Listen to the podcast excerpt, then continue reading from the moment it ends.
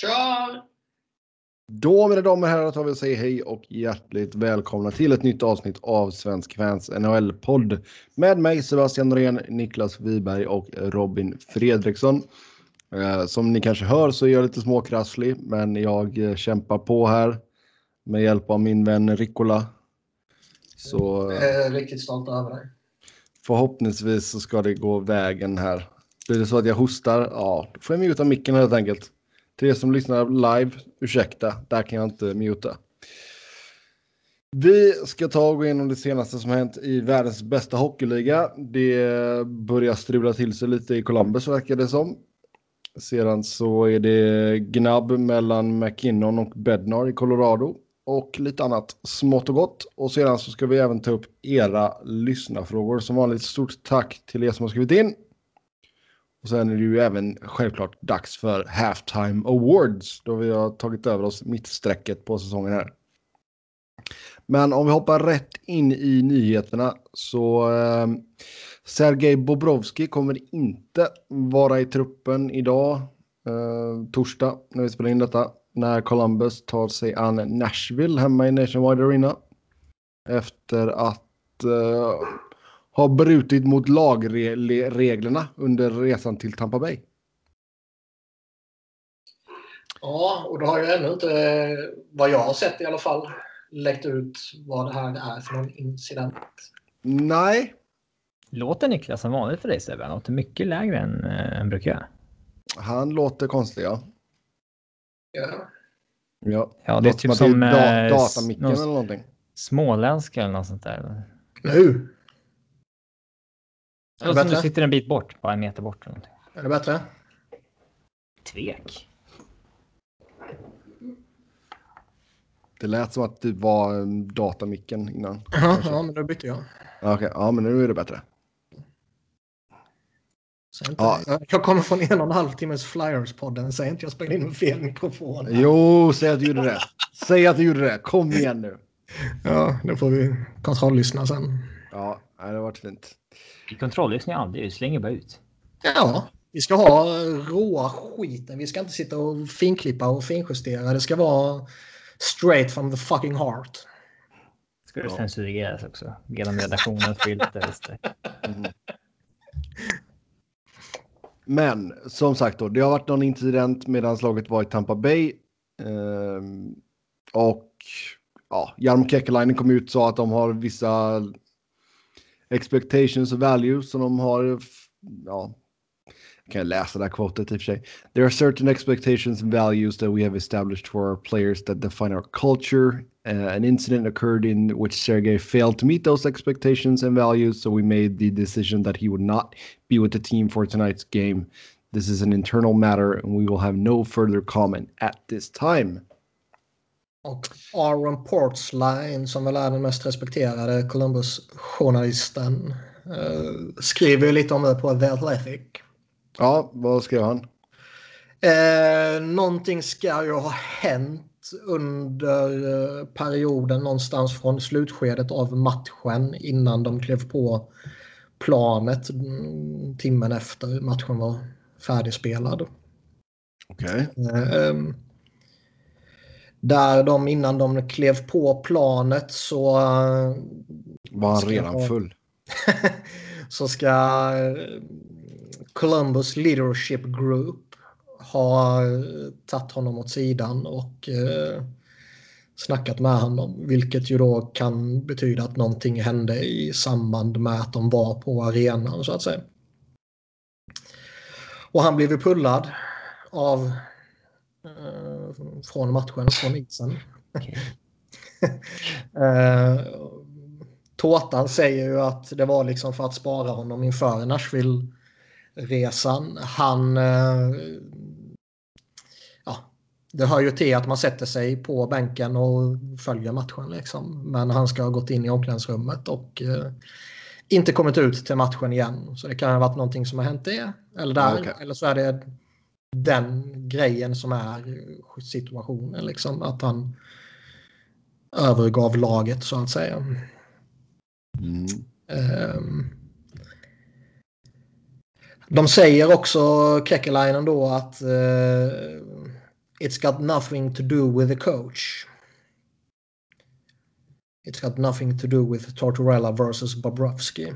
För det har ju ryktats lite under säsongen att Tårtan och Bob eh, inte har dragit eh, helt jämnt. Mm. Och det här är ju synnerligen intressant med tanke på hans kontraktsstatus. Ja, alltså det, det känns väl som att det lutar åt att han ryker här va? Nej, men det har ju till och med bara på eh, en timme eller två eller vad det är börjat eh, pratas om att liksom, kommer de trada honom nu? För känslan har hela tiden varit att de behåller eh, både, både Bob och Panarin till sommaren och går för det i slutspelet. Men har relationen brakat sönder och samman så kanske någonting händer innan deadline och det vore ju spännande. Ja, alltså även där så. Visst, Bobrovski är en av ligans bättre målvakter så det är ju svårt att få in en regelrätt ersättare i en trade. Ja, det är en trade man kommer förlora. Ja, Så tillvida att du ger upp den bästa spelaren. Jo, Eh, Men du med, kan sam- med extremt tror- sannolikhet ska jag väl säga. ja, men jag tror ändå så att du kan få in antingen om du gör en separat trade eller om du gör en trade där det är ett lag som vill byta upp sig på målvaktspositionen. Um, så, alltså, så att du inte sätter Korpisalo i en jävla sits. Nej, man kan ju inte gå in i slutspel med han och förväntas åstadkomma någonting. Nej. Det intressanta är ju också Portsline här. Ja, vi har väl pratat om det tidigare och det har rapporterats rätt friskt om att Flyers kommer gå hårt efter honom om han blir UFA. Och hamnar han på marknaden lär de göra det också. Sen nämner han ju även Florida, St. Louis, New York Islanders. Vilket Blues och Islanders har väl ryktats om tidigare lite sådär. Florida kom det något rykte om i veckan här att de kommer gå efter honom. Ja, det är inte släng- med tanke på hur deras målvakter har sett ut. Nej, och sen slänger han upp Ottawa också. Ja, den... Alltså, det är ju det som är så svårt här nu. Det är, det är ju svårt att se en spelare som man vet kommer få bra betalt att han ska gå till Ottawa. Exakt. Så ja. Visst, de kanske är intresserade. Jo, Men jag, jag, ser ju all, jag ser inte riktigt att de har den interna budgeten för att signa honom. nej, inte om de ska signa sina andra spelare också. Nej. För ska han gå dit så vill man ju veta att de har kvar Duchene och Stone till exempel. Ja, herregud. Nej, men det är, alltså jag vet inte om ni såg det på, eh, på Twitter, men det var ju något eh, eh, vodka-distilleri som ligger i Columbus som hade lovat Panarin att han får fri, eh, gratis vodka resten av livet ifall han signar nytt. Um, så det är ett kul litet försök att få honom att stanna kvar. Men att Bob, ja, ja, det kanske var sista grejen här. Det är alltid skoj med kaos. Ja, alltså, på ett sätt är det ju synd om Columbus som äntligen liksom börjat se bra ut och tagit sig till ett par slutspel på raken här nu för första gången någonsin. Alltid Eh, skoj med kaos. Så eh, Men det är ändå liksom att Säg att det är det här att han liksom bara gick in till omklädningsrummet och sket i att följa matchen. Liksom. ja. Är det allvarligt? Nej, alltså han kanske inte... Ty... Det måste kanske, hända då och då, eller? Ja, det känns som det. kanske. Alltså, han kanske bara inte gillade beslutet att han blev bortplockad liksom. Nej. För, för jag menar alltså att då stänga av honom i en match mot, mot Nashville och, och sen ha eh, de ska ha ett möte på fredag där de ska diskutera situationen och om de ska sätta tillbaka honom i träning och match typ liksom. Mm. Det är ju ett jävla stort statement. Men tänk stänga ifall- av honom mot Ja, ja. Men fråga, frågan är ju här ifall det var så att, eh, nu vilda spekulationer här nu från min sida. Frågan är ifall han gick av och gick bonkers i omklädningsrummet, alltså typ slog sönder någonting. Då passerar du ändå så en gräns. Det är en grej ifall han går av och är förbannad och skriker lite. Det är fine liksom. Det, är, ju- det kan hetta till liksom. Det har vi väl alla gjort någon gång. Jo, jo. Men det kan ju vara att han har gått över den här gränsen för vad som egentligen är liksom okej. Och slå sönder skit, ja, det är väl inte okej. Då har du Det har väl alla gjort. Ja, det är klart. Jag vet att Henke Lundqvist säger att han slår sönder saker så in i helvete så fort han har en dålig match. Han gjorde det i Columbus också, tror jag. Nej, i Minnesota, tror jag det var. Han slog sönder någonting i omklädningsrummet så han fick en räkning från Minnesota eller Columbus. Eh, Okej. Men... Ja. eh, Nej men det sker ju alltså att man sparkar sönder en jävla papperskorg eller... eh, Gabriel Landeskog gjorde det under lockouten i uh, Djurgården. I Scania-rinken i Södertälje. Släppte sönder ett, glas, ett plexiglas. Ja. Nej, så det är väl någon gräns som har liksom krossats eller gått över där. Så vi får se om... Det hade ju varit trevligt för en gång skulle få veta exakt vad det var som hände, men de chanserna är väl ganska små. Ja, eller så läcker det ut om fem minuter. Ja, kan ju alltid hoppas. Bobwatch. Bobgate. Mm.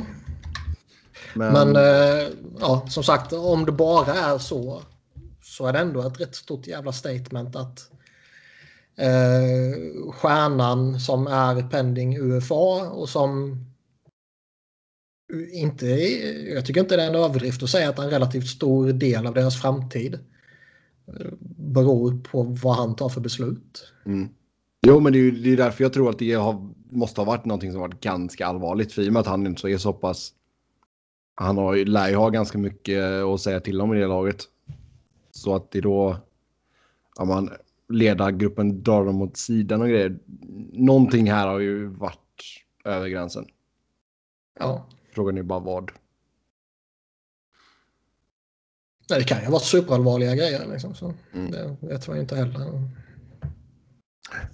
Ja, vi får se om det läcker fram helt enkelt. Det gör det nog. Det brukar det göra om det inte är något eh, väldigt känsligt. Yes. Sen eh, det var bråk på bänken mellan Nathan McKinnon och uh, Jared Bednar. Eh, kul. Do your job, eller vad hade han sagt? Ja, eh, något sånt. Det är, ju lite, det är väldigt svårt att tolka vad det är eh, McKinnon är upprörd på och vad, vad hela saken gäller. Mm. Eh, det enda soundet som är uppsnappat är ju att jag tror McKinnon säger do your job till eh, Bednar. Eh, man ser ju ibland att spelare är lacka, uppenbart lacka över ett coachbeslut på bänken. Kastar en vattenflaska eventuellt, men då brukar ju oftast det brukar inte vara ögonkontakt med coachen när man gör något sånt.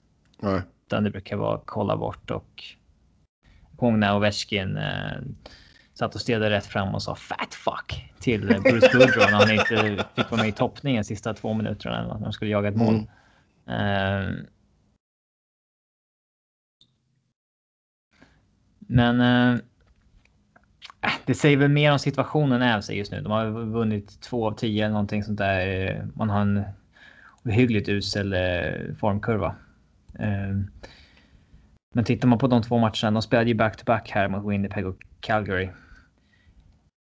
Alltså man släpper till, eh, man släpper till 37 skott på två matcher och man släpper in 12 mål. Det spelar ingen roll vad utspelarna gör då. Nej, det är Alltså, dåligt. Nej, och eh, man gör tre mål mot Winnipeg och man gör... Eh, eller man gör fyra mål mot Winnipeg och tre mot Calgary. Släpper man in 12 mål på två matcher. Det, det, finns ju ingen... Ja, men det Ibland kan ju målvakter vinna matcher åt det. Ibland så... Är de så dåliga då har de ju... Alltså då... Då har de ju förstört chansen att vinna match helt och hållet liksom. Jo. Eh, så det... Ja, Men som du säger, riktigt dålig form. 2-6-2 de senaste 10. Eh, Nu är de nere på första wildcard-platsen i West. Dallas har gått upp till tredjeplatsen i Central. Ja, Så alltså Men det är liksom ju... ställ- Ställer man sig och skriker do your job till coachen bara för att man är i en formsvacka? nej, men jag tror inte att det hade hänt om det var en match mitt i säsongen. Alltså, Nej, men jag menar liksom... nu liksom. Nej, men jag menar att eh, är det liksom... Kan det ligga någonting och bubbla och den här formsvackan är det som liksom får någonting att brisera? För det känns som att om det här bara kommer från ingenstans, bara pang pom sådär. Känns inte det jävligt konstigt? Jo. Ja, det, men det är väldigt svårt att, som jag sa, det är väldigt svårt att tolka vad det är han är upp, just vad han är upprörd över i den här. Eh, situationen. Och det finns inga så här uppenbara coachgrejer man kan peka på som är liksom. Eh, alltså Rantanen, McKinnon och Landeskog spelar ju så här 24 minuter per match. Det är inte så att han är bitter över att de inte får spela liksom. Eh, Mm. så Men det- är de tillbaka ihop igen nu? Ja, de särade på dem en match tror jag. Jo. Men ja, de är tillbaka. Ja. Eh, men ja, det är, det är ju speciellt att det är McKinnon just. Det är inte samma sak om det är en eh, nobody. Nej, nej, absolut inte. Men det är därför man undrar också ifall det finns ett större missnöje kring Bednar i spelargruppen. Jag tror inte det. För det är en av dina största Alltså, spelare som går ut och bara gör ditt jobb. Det, det ser ju inte bra ut. Nej. Han kanske är Eh, ledsen för att Rantanen mobbar honom för att Rantanen kommer få dubbelt så hög lön som han har. Mm. Nej, men det är svår, svårtolkad eh, situation. Eh, absolut. Jag vet Men de, snack, om det. de, så det. de snackade ju om det på Sportsnet Central. Ja. Eh, det hände inte i Toronto liksom. Då hade ju vänts för varje sten över det här laget. jo, exakt. Eh, det, Men Kyp- Kyprios menar ju på att det visar en omognad hos McKinnon. eh, kanske. Det är svårt att veta utan att veta vad som vad är det som har hänt så att säga. Eller så kan det visa på en omognad från Bednar och en rimlig reaktion på någonting som har hänt. Ja, det var no några Avs-supportrar som skrev på Twitter så att ja, men McKinnon är ung. Liksom, det är där, han är han är liksom som en arg tonåring och så. Men vad fan, han är ju. Han är 23 år nu och spelar sin sjätte säsong i NHL. Det är inte. Nej, då är man inte orutinerad längre. Nej. Eh, så det är ingenting man kan gömma sig bakom tycker jag. Eh, men Bednar är stort. Eh, han har gjort ett bra, bra jobb med Avs, men han har inget, han har inget långt kontrakt. Avs har ju... Eh, jag tror att han fick ett ettårskontrakt bara. Eh, och det skriker ju inte förtroende till en coach. Det känns som att de bara går... Mm, väntar Vi, hank, vi hankar vidare med honom till vi kan hitta någon bättre. Ja, Ja. exakt. Eh, och säkert har ju försökt byta ut sig själv som eh, GM nå- någon gång också där när de var på Dubas. Mm. Han, han kanske liksom hankar kvar med Bednar tills han vill inte ta beslutet om en, om en coach liksom. Om det är inte han som ska köra. Mm. Men eh, ja, det är sällsynt att man ser en sån där konfrontation. Eller ja, konfrontation. Det är en envägs. Bednar är ganska chill. Jag tror det, det är lite som uh, Caprero sa, liksom, att eh, jag tror det var han i alla fall, att det här sker ju relativt ofta. Men då sker det inte på, i båset utan det sker liksom i, i omklädningsrummet eller på kontoret. Mm. Och Ja. jag menar, fo- folk kan ju vara oense och folk kan ju bli förbannade på varandra och man kan säga mindre genomtänkta och vettiga saker liksom. Men det är inte bra att göra det på det här sättet. Nej. Absolut inte. Nej, det, det, skapar ju, det skapar en problematisk känsla kring hela Ja. En, kri, Oh, ja. en kriskänsla liksom. Ja. Absolut, absolut. Ha, mer nyheter. Mike McKenna till Philadelphia via waivers. 51 Eh. målvakten. Varför, har det kommit någon klarhet i varför ännu? Eller när det skedde så var det mycket så här, varför då typ? Men eh, var det någon som var skadad som vi inte visste om då eller hur?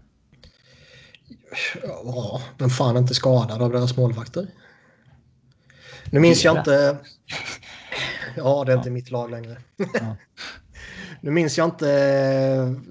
Det måste väl ha varit Neuwirth. Som var den som blev skadad. Föga förvånande. Mm. Eh, Så de behövde ju en målvakt. Liksom. Sen kan man ju tycka att det, det är lustigt att de väljer att plocka upp Mike McKenna som är en högst medioker målvakt och typ flera gånger om har visat att han inte är NHL-duglig. Liksom. Ja, för det... När Alex Lyon är tillgänglig i Phantoms. Ja. Men framförallt så. Man kan, man kan ju alltid. Det känns som det finns bättre alternativ lite överallt. Liksom. Och trada för ja, absolut. Ja, alltså i princip gratis. Det Mm. finns ju alltid lag som har målat över. Ja. Som har en bra resumé i AHL i alla fall. Som Ja. liksom. Eh, Sen var det här kanske bara en, en panikgrej. Man behöver, du behöver få en målvakt så fort som möjligt. Alltså för dagen, liksom, ja. ja. men då borde han inte spelat. Nej, de spelade ju back-to-back i och för sig och den andra målvakten är en 20-årig rookie. Så. Ja, Men det intressanta här är det, alltså Mark McKenna är ju inte värd att nämna för, överhuvudtaget. Om det inte vore så för att han blev den sjunde målvakten som Flyers använde denna säsongen. Sjunde målvakten de startar till och med. Och det är ju tangerat NHL. jobbar fram till nyår liksom. Det är helt det är Eh, fyra månader kvar.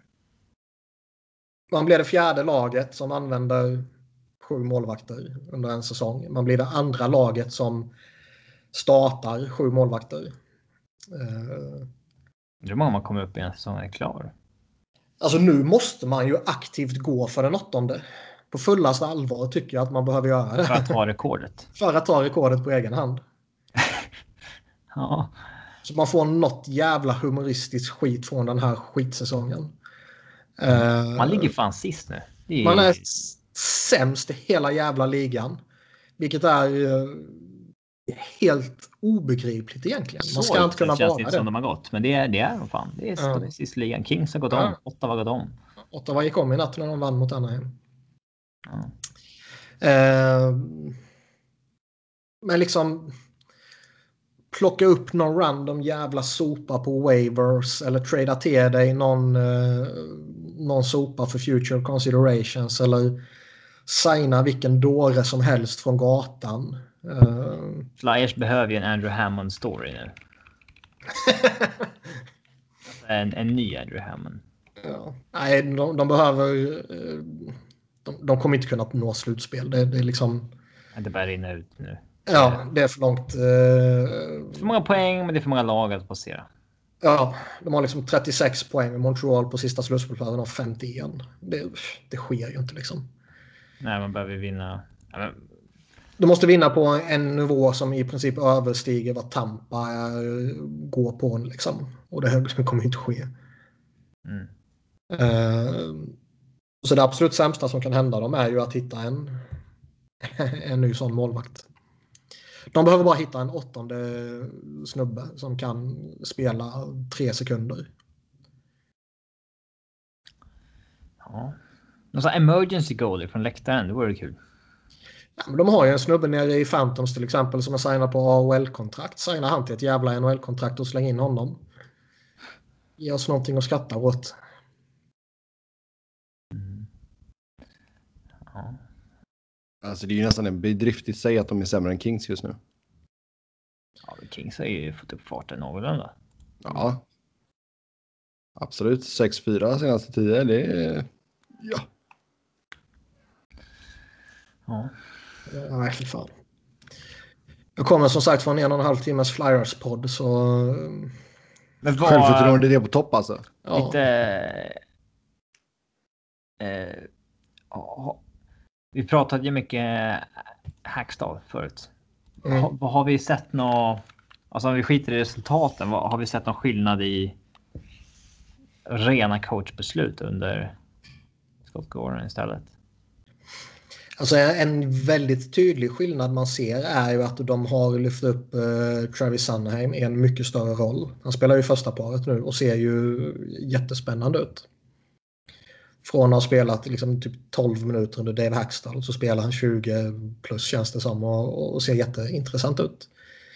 Det är ju det största. Sen är det ju allmänt liksom att eh, Dale Weezer är inte längre den tredje mest använda forwarden. Utan han är nere i fjärde kedjan och harvar och gör sitt där liksom. Och de lyfter upp Oskar Lindblom och när, eh, nu minns jag inte vem det var, men jag tror det var Travis Connectney. När han missade några byten så var det liksom Oskar Lindblom de sätter upp i första kedjan och inte Dale Weese som en viss annan coach förmodligen skulle gjort. Så man kan se lite sådana där saker och det är det man vill se liksom. Man ser lite PK har ju förbättrats lite, lite mer aggressivt och de har fått lite mer ordning på det sedan han kom in. Så det, det har väl rimligtvis han något med det att göra då ju. Mm. Å andra sidan så fortsätter ju powerplay och bara tokkrascha. Och är typ tredje sämst i ligan eller någonting. När man har ligans bästa powerplay playmaker. Det är liksom sådana sjuka grejer. Allting är verkligen sämst eller typ näst sämst eller tredje sämst. Du kan gå igenom i princip allting i det här jävla laget och så är det totalt kaos. Ja. Kul. Så det var gött. Mm. Det är bra, ni ska inte vara förnöjda. Det blir inte kul då. Lång säsong kvar också. Det är... Ja, Och vi är halvvägs liksom. Och jag kunde för... Inte för att jag gick in i säsongen direkt och förväntade mig att de skulle vinna Stanley Cup jätteenkelt. Men avsågad efter halva. Det är... avsågade efter halva och i januari vara mer intresserad av Jack Hughes och Capo Cacco än en slutspelsjakt. Ja. Det såg man verkligen inte ske. Nu lär man ju sälja av i deadline istället. Ja. Och det kan i och för sig bli intressant. Nu i, om det var idag eller om det var igår, det minns jag inte, så gick ju Bob McKenzie ut och, och snackade en hel del om Flyers. Som Wayne Simmons bland annat. Och Måste ju ske med Simmons. Det kan inte... Allting tyder ju på det. Det verkar ju som att Flyers ännu inte har tagit beslutet vad man vill göra med honom.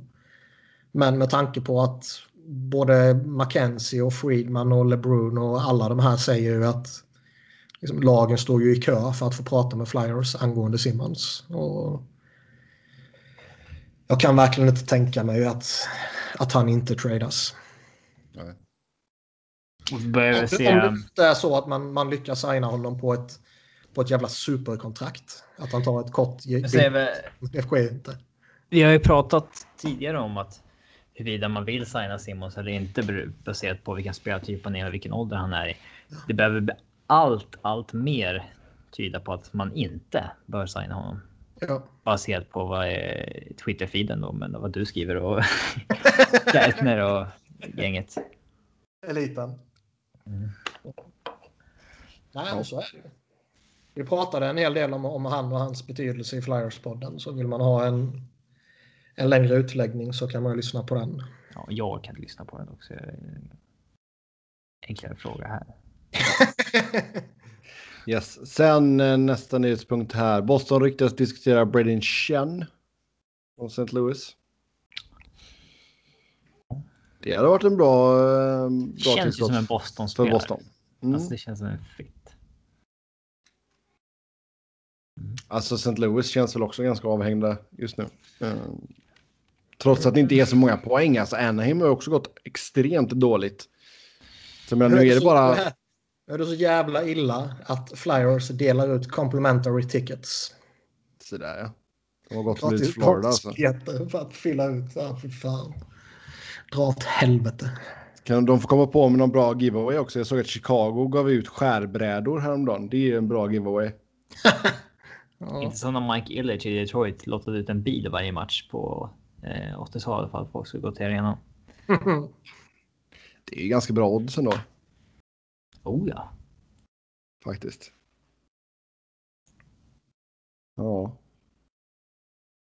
Jag tycker det är kul det här. De kör ju 50-50 lotter på en hel match vad känns som. Mm. Och den jäveln som uppfann 50-50 lotteriet eh, borde tagit patent på det. Alltså. Ja. Det är ju överallt. Yes, eh, vart var vi? Jo, vi sa att det var Weston. dåligt. eh, Det var då, dåligt i West också. Ja. Känn. Ja, St. Louis som sagt, man ligger näst sist. Det är bara King som är värre eh, i West. Och där känns det också som att man är för, det är för många lag emellan i alla fall för att man ska ta sl- slutspel. Ja, men om jag var dem, jag skulle ändå ge det. Alltså innan man bestämmer sig för att det är kört, man ska väl ändå ge det. Eh, De kan ju ge det ända fram till trade deadline mer eller mindre. Ja, alltså de, de har ju tre matcher färre än Kings till exempel. Mm.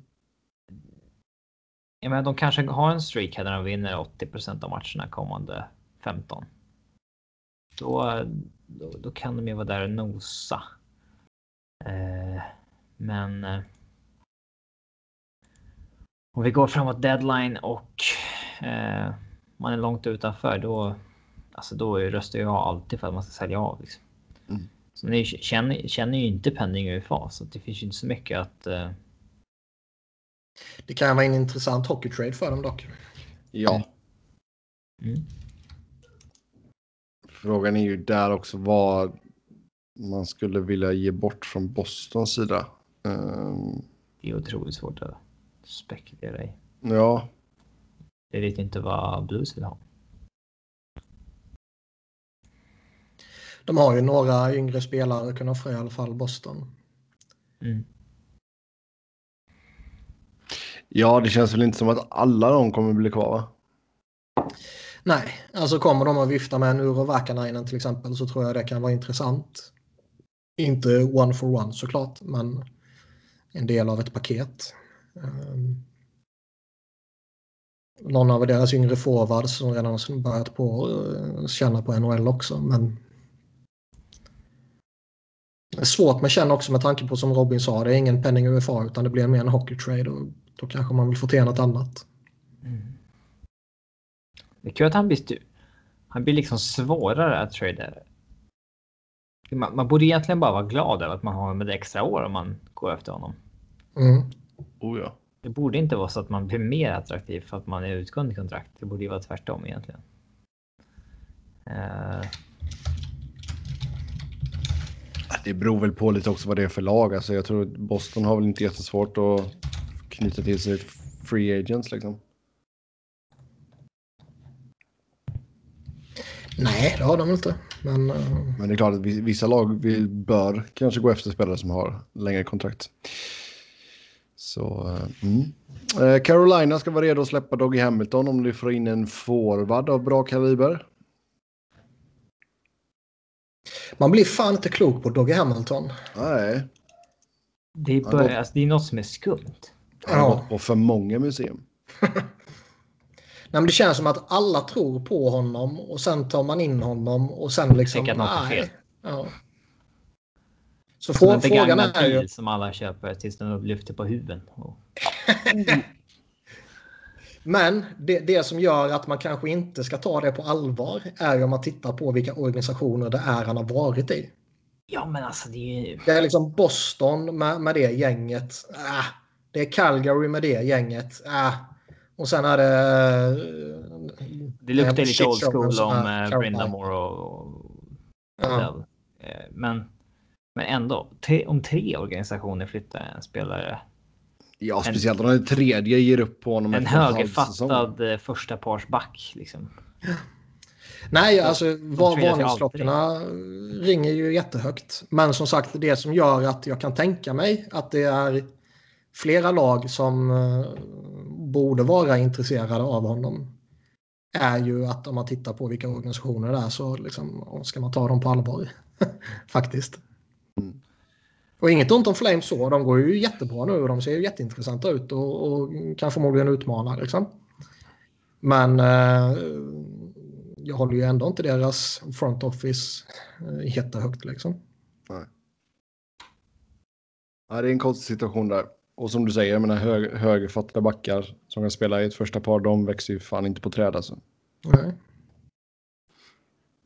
Och han sitter ju inte på något jättemonsterkontrakt heller liksom. Jag menar 5,75 i cap hit, två år till efter denna säsongen. Alltså personligen skulle jag gärna gått efter honom. Mm. Uh, se till att du har eh, en stad med fina museum bara. Ja, Han har ju liksom ett oerhört rimligt kontrakt. ja. Eller liksom vänligt kontrakt. Capitals, det finns många, många bra museum i Washington DC. Ja. Nej, men liksom skämt åsido. Men, men eh, jag skulle inte tveka att gå efter honom. Nej, absolut Bra inte. för Flyers. Vad sa du? Det hade varit jättebra för Flyers. med Högerfattningen där. Mm.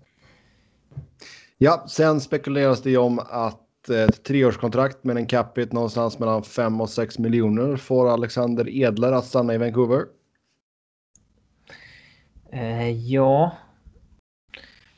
Det är väl något som... Eh, eh, det är väl inte orimligt. Ligger på 5 miljoner nu, 32 år gammal. Jag hade sagt om för några år sedan hade han gått upp i lön, men nu ska han väl förmodligen ligga kvar där han är. Eh, Ja, det kan man väl tycka. Han han fyller 33 i april. ja. Så visst, det känns väl ganska rimligt. Ja, det tycker jag verkligen. Känns Är det så rim- enkelt att behålla honom? Alltså, det är inte lätt att ersätta honom. Nej. Så eh, tycker jag absolut att man ska. Ska göra Nej, det. är väl inte jättekonstigt ifall han vill köra hela karriären i Vancouver heller. Jag menar, han har ju varit där i, sedan 2006 liksom. Ja, det snackas ju rätt mycket om att han trivs bra där och hela det här köret. Men så. Ja. Så visst, det känns väl rimligt på båda hållen. Eh, förhandlingarna mellan Ottawa och Matt Duchene ska svalnat av. Ja, det är väl ganska rimligt också. Eh, nej, det var ju bara märkligt när det pratades om att de faktiskt Att att det var aktuellt. Det, det var jättemärkligt. Eh, Ja, det här laget, man blir fortfarande inte riktigt klok på dem. nej, Nej. Men de är ju vad de är. Det är ett dåligt lag. Eh, som det känns som att de har fått ut mer av resultaten än de borde fått också hittills. Eh, Mm. Så där mycket mål som de har gjort, det, det måste ju avta liksom. Eh, Men visst, det, alltså det känns ju fortfarande som att Duchene är högaktuell för en trade liksom. Ja, och det är ingen dålig jävla förstärkning direkt Nej. att peta in nu. Och, eh, Alltså om, om Ottawa är smarta liksom. Det kan ju mycket väl bara så att de var, men då får det väl bli UFA då. mm, jo, det skulle inte förvåna ett skit ju. Nej. Att de hoppas in i slutet. Ja. Men det börjar ju beroende på vad som händer med en eventuell trade och eventuell förlängning i ett nytt lag och allt sånt här så börjar det ju kännas som att fan potentialen för att det kommer finnas rätt fina spelare tillgängliga på Free Agency känns relativt hög ändå. Mm. Vi har liksom Columbus-duon, vi har Ottawa-duon och vi har ytterligare några lirare och sådär så. Nej, det kan fan bli spännande alltså. Ja. Det är bara att hoppas. Mm. Man kan inte sluta tänka på vilken skitsituation Ottawa sitter i den här säsongen. Alltså. Vara fast i botten och inte äga sitt första val och liksom ha stjärnorna på pending UFA. Det.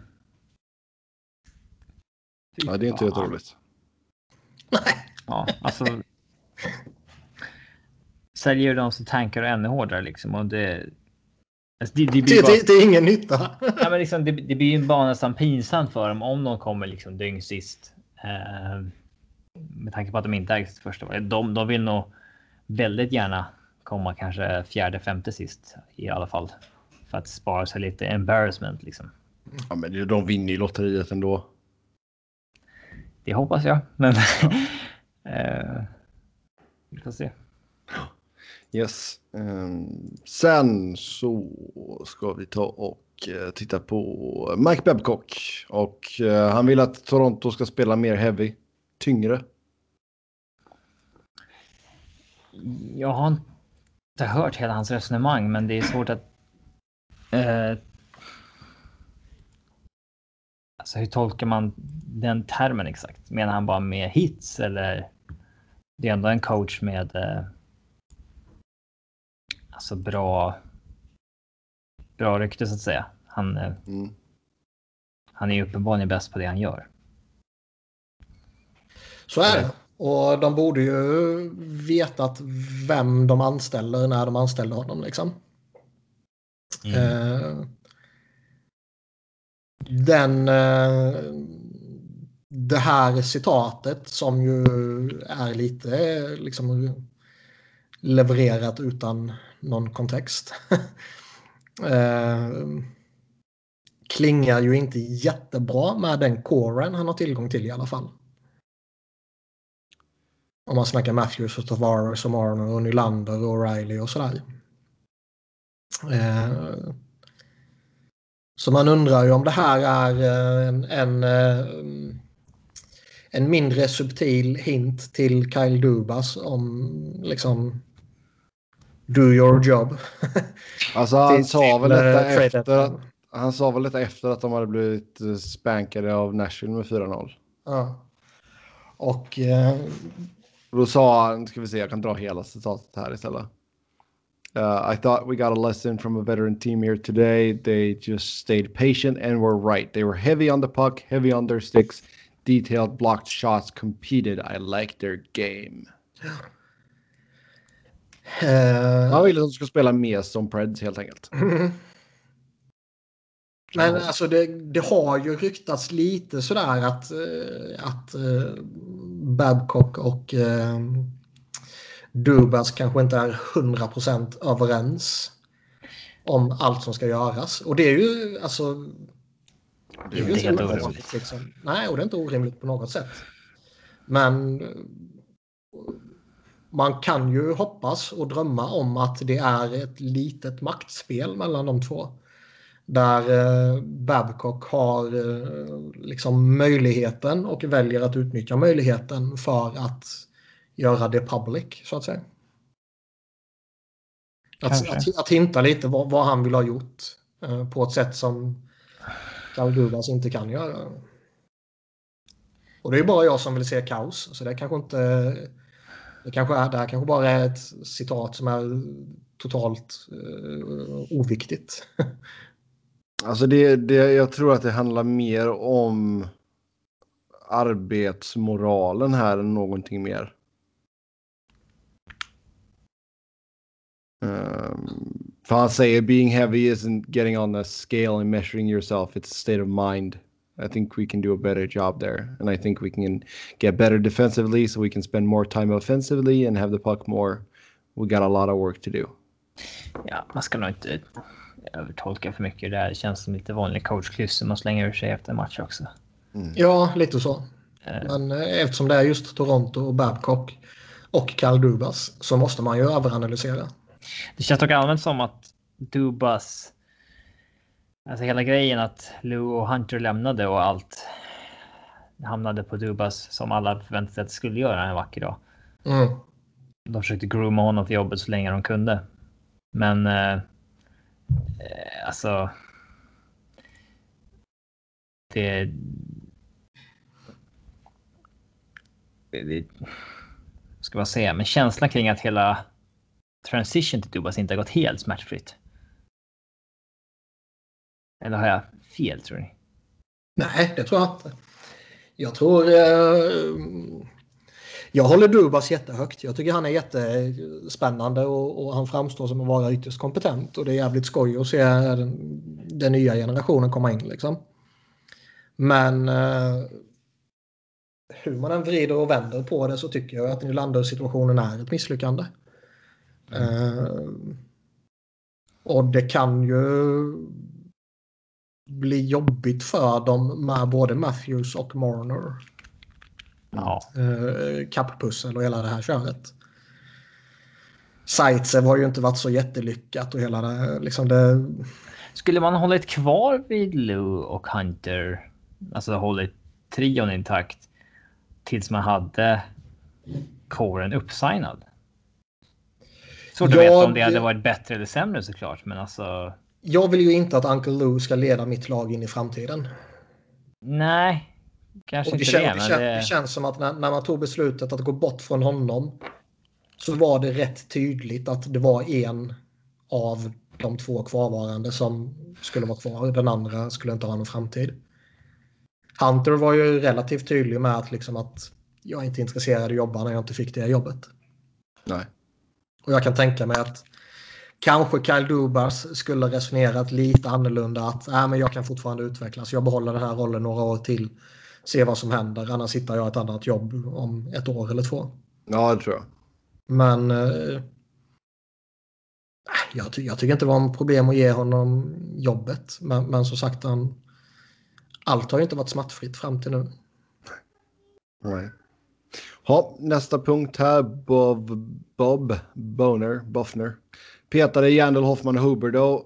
Spelade bara cirka åtta minuter när Florida spelade mot Pittsburgh och sen hängde han ut sina målvakter efteråt.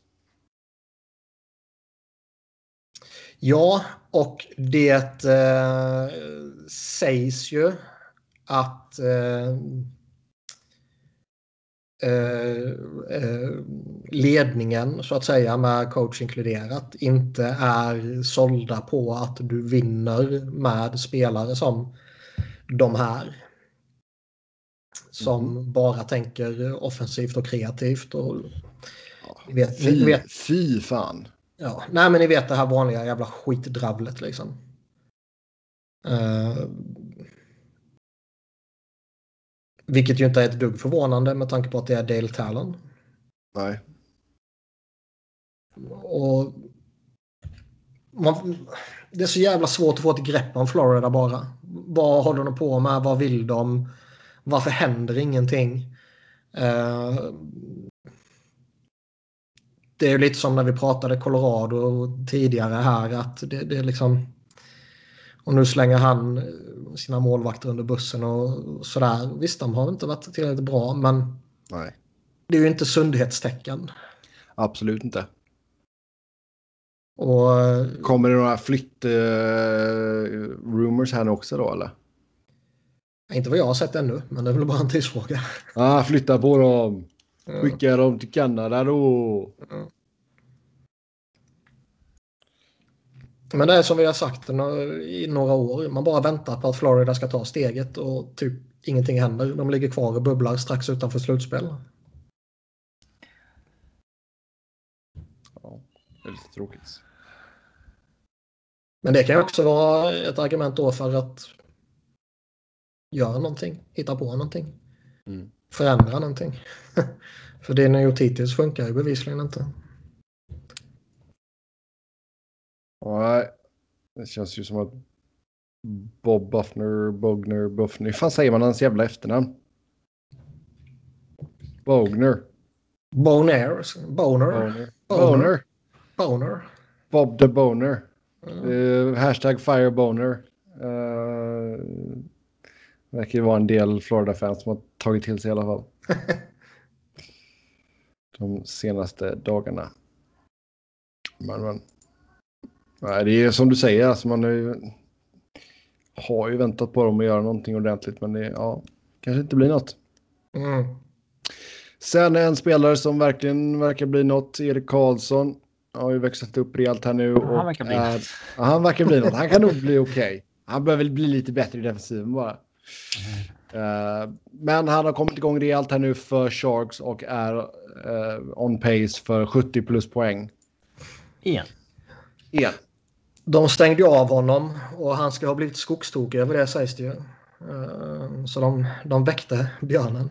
Mm.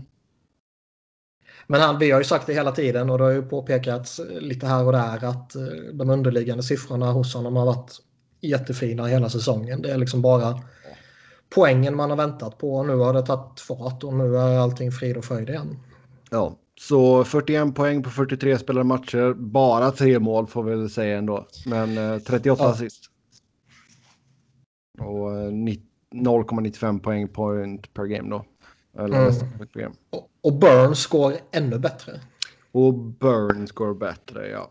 49 poäng på 45 matcher. Han är ju... Men fortfarande, Erik Karlsson har inte, han har inte stärkt sina aktier mot i somras. Man trodde ju på en super det beror väl helt på hur det går i slutspelet. Ja, så är det ju såklart. Men alltså. Jo, men det, alltså, det är förvånande. Han hade haft fem... samma siffror i Ottawa. Kappkassas ja, det... tokusla Ottawa. Kanske. Eh, man trodde att han skulle ta ytterligare ett steg av att få det, det sällskapet i PP liksom. Äh, jag tror nog han skulle, han skulle nog kunna ha bättre siffror i Ottawa till och med. Kan Chabot ha 10 mål och 28 assist på 38 matcher? Så tror jag Karlsson hade haft tio baljor också ifall han varit kvar i Ottawa. Ja, kanske det. Det är mycket slump, eh, slump bakom det såklart. Men... Jo. Men det känns som att mycket hade varit att det varit Karlsson istället för Chabot i de lägena. Ja, det kommer jag fram. Så um, Nej, och sen alltså, det är förvånande för fem öre. Jag menar, det är en jäkla flytt han gör och allt det sociala och allt liksom personliga som de har gått igenom också. Att det skulle ta lite tid för honom att komma in i laget. Det är, det är inte jättekonstigt. Så jag menar de Sharks-fansen som liksom började klaga på honom efter två månader. Man bara lugna ner det för fan. Ja, men alltså har man tagit in världens bästa back och han har... Jo. Men jag menar till och med, till och med Jumbo Joe kom ut och säger ja, det tar oss ett tag att bli vana vid honom för han är så jävla bra. Så... Ja, nej. Det, du- det intressanta är ju fortfarande fram, hans framtid. Oh ja. Vad han kommer göra. Eh, Han får inte signa förrän efter eh, trade deadline. Men de får ju bara förhandla den. Eh, Så det blir spännande. Och du vet, kommer han på marknaden det, det kommer bli helvetes budkrig ju. Oh ja. Ja, så nu ligger han i alla fall femma i backarnas poängliga.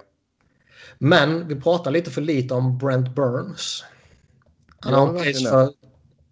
Ja, vi har inte vi har sagt hans namn en gång hittills. Ja.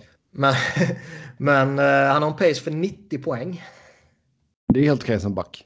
Och nu kommer ju det förmodligen uh, fejda av, gissar jag. Mm. Men det vore liksom den bästa noteringen sedan typ tidigt 90-tal av en back. Och det är ju fett crazy. Ja. Även om vi ser att produktionen eh, i ligan och, och sådär eh, ökar något explosionsartat känns det som. Så det är ju högst anmärkningsvärda siffror. Ja, Alltså det känns ju verkligen som att topp att du har fått ett par, toppskiktet har blivit bättre så att säga. Mycket mer poäng i toppskiktet. Eh, och jag menar Burns där 49 poäng redan på 45 matcher, det är riktigt bra. Morgan Riley. Zach Carlson, nu har han en pace för 77 poäng. Ja, Och han kommer ändå inte vara bästa back i laget. nej. Det är lite coolt också. Det visar ju på bara hur stark den duon är för Sharks. kaka på kaka kanske fungerar. Kanske, kanske. Nej, men jag menar, vi, vi kommer ju komma till våra halftime awards här också. Det ska bli intressant att höra era tankar kring Norris också. Ehm, så ja. Vi, kommer, vi, vi, vi är alldeles strax där. Jason Garrison är utköpt och klar för Djurgården. Först. Vilken Ja. bomb det var! Från ingenstans Det var- bara. Det var jag som tipsade dem. Ja, så är det. Liksom, han spelade ju NHL bara några veckor innan och. Ja, Friedman skrev väl typ att han tittade på några options overseas, men Och då tänker man ju... det var väldigt så här från ingenstans. Ja. Men han tänkte man ju KHL liksom. Ja, vad lockar honom till, eh, till SHL egentligen? Tunnbrödsrulle.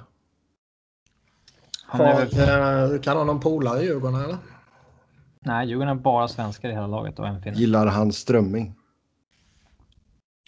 Han känner inte Bergfors eller något sen innan. Så nej. Eh, Har han svensk flickvän? nej, men jag antar att han har väl någon familj. Eh, Vill han som- ha en svensk flickvän? Eh, men jag antar att Någonting- han har en familj liksom, som han måste slita upp och ta med liksom. Eller åker han för att han tror att han kan ha en brakavslutning på säsongen här och det kan ge honom ett till NHL-kontrakt eller Mm. något sånt måste det vara. Vad tror du om honom annars? Det var ingen som man kollade på honom noga liksom. Eh, Det var ju ändå... Han var ju en kompetent back för inte jättelänge sedan. oh ja, han... Eh, I Tampa-åren där då. ja. Ja, Vancouver och Tampa åren där. Eh, Och det känns ju som att jag tror att han mycket väl kan hävda sig bra i, i SHL. Men om, in, om inte liksom, om inte annat så borde han alltid kunna stå och skjuta i PP för fan. Ja. det skottet måste han ha kvar. Ja. Han levererade ju bra i AHL i fjol. Mm. Eh, så det tycker man att han borde ha, ha kvar i sig. Han har ju tjänat så in i helvete mycket pengar också. Man fattar inte vad som lockar honom till, till Sverige. Eh, Äventyret. Någonting är det ju. Nu får du ta och gräva, gräva till botten i detta och hitta varför. Mm. Så att jag- jag ser ingenting om att han har familj, så det kan vara att han vill ha en svensk fru. Eller så gillar han Strömming väldigt mycket. Ja, det är bara de två alternativen Det som ska finns. bli, det är ska bli bara intressant de att följa. Vad hörni, Brandon Perry har skickats ner till AHL igen. Sådär ja. Piri 10 piri. poäng på 8 matcher duger inte. Nej. Det är väl en paper move eller? Det var det fan? förra gången. Jag vet inte om det är det igen. Jag förstår inte varför han inte har ett heltidsjobb i NHL. Alltså mm. sen tidigare, långt tidigare. Ja, jag håller med. Så är ju, med, alltså, ser ju Matt Beleski få liksom ett långtidskontrakt på hög peng när han liksom har en säsong när han gör 20 baljer. Mm. Pierre levererar det målskyttet typ genom hela sin karriär. Vet, Boleski, han var stor och tung. Men är han uh, waiver exempt? Ja, han... eh, Han när, är de skickade, när de skickade ner honom eh, förra omgången, alltså häromdagen, Mm. Så var det ju för att de, de behövde kapa en från rosten och han hade inte spelat tillräckligt mycket för att behöva gå igenom waivers. Ja, okej, okej, okej. Då skickade de ner honom, kallade upp honom igen. Eh, och nu, vet, nu vet jag faktiskt inte hur det ser ut. Men han var ju inte uppsatt på waivers idag. Så det, rimligtvis behöver han det inte nu heller. Ja, ja. Det- Ja, konstigt. De gnäller över hans defensiv och liksom, vad fan producerar han som han gör? Då kan man ju stå ut med att defensiven inte är bäst i ligan. Ja, herregud. Han måste i alla fall ha ett jobb liksom. Ja. Det, jag begriper inte riktigt. Yes, då tar vi och kör halftime awards. Vi ska utse Hart, Ve- Vezina, eller Vesna, Calder, Norris, Selke och Jack Adams Award. Vi börjar med Hart. Uh, McDavid. Jag tycker det är vackert att Carter Hart redan har fått ett pris döpt efter sig. Tyst nu. Ja. Alltså jag tolkar det här priset som bästa spelaren i ligan och eh, jag orkar inte diskutera mer om det är bara eh, om man är i slutspel eller inte eller mest värdefull för sitt lag. Alltså. Det är bästa spelaren i ligan priset. Det är, det är McDavid och han borde ha det kommande tio år. Eh, ja, typ.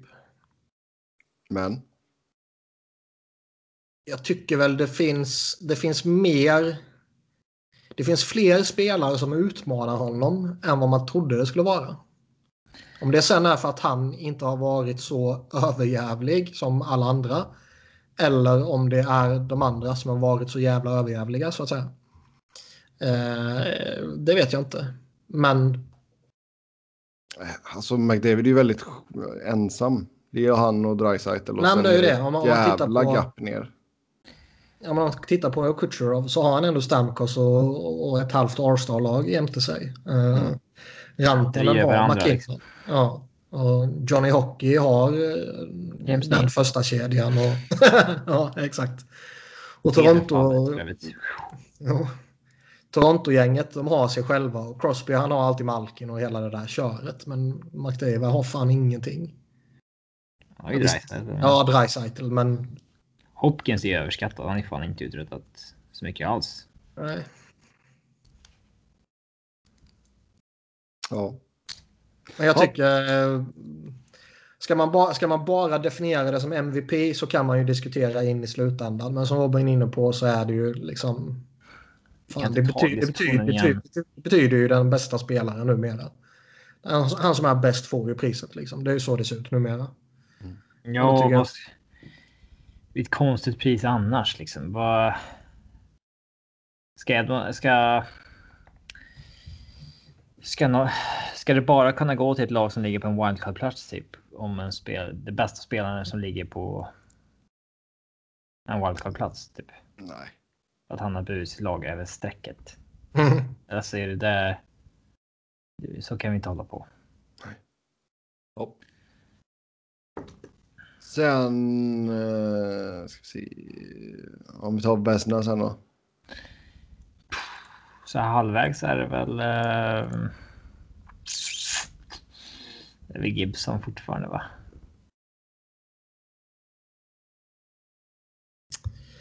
Eh. Skulle kunna ge det till Rinne igen också.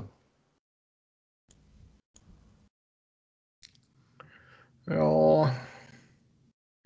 Det finns ju några liksom. Fredrik Andersen ska väl nämnas. Det känns alltså fan. Det, det känns som att man måste ju ha. Flöry bör nämnas. Flöri. Men det känns ju som att ska man få det här priset då måste man komma med en viss star power. Man kan inte ge det till Halak eller Lener liksom. Nej. Även om de Nej. var superbra. Precis som att Antiranta inte har kunnat få det senaste åren. Ja. Eh, Vasilevski bör väl vara med i diskussionen också. Man måste ha spelat minst 60 matcher kan jag tycka i alla fall. mm, det är ingen som har spelat 60 matcher hittills. Nej. Så att halvvägs måste man ha legat på över 30 åtminstone.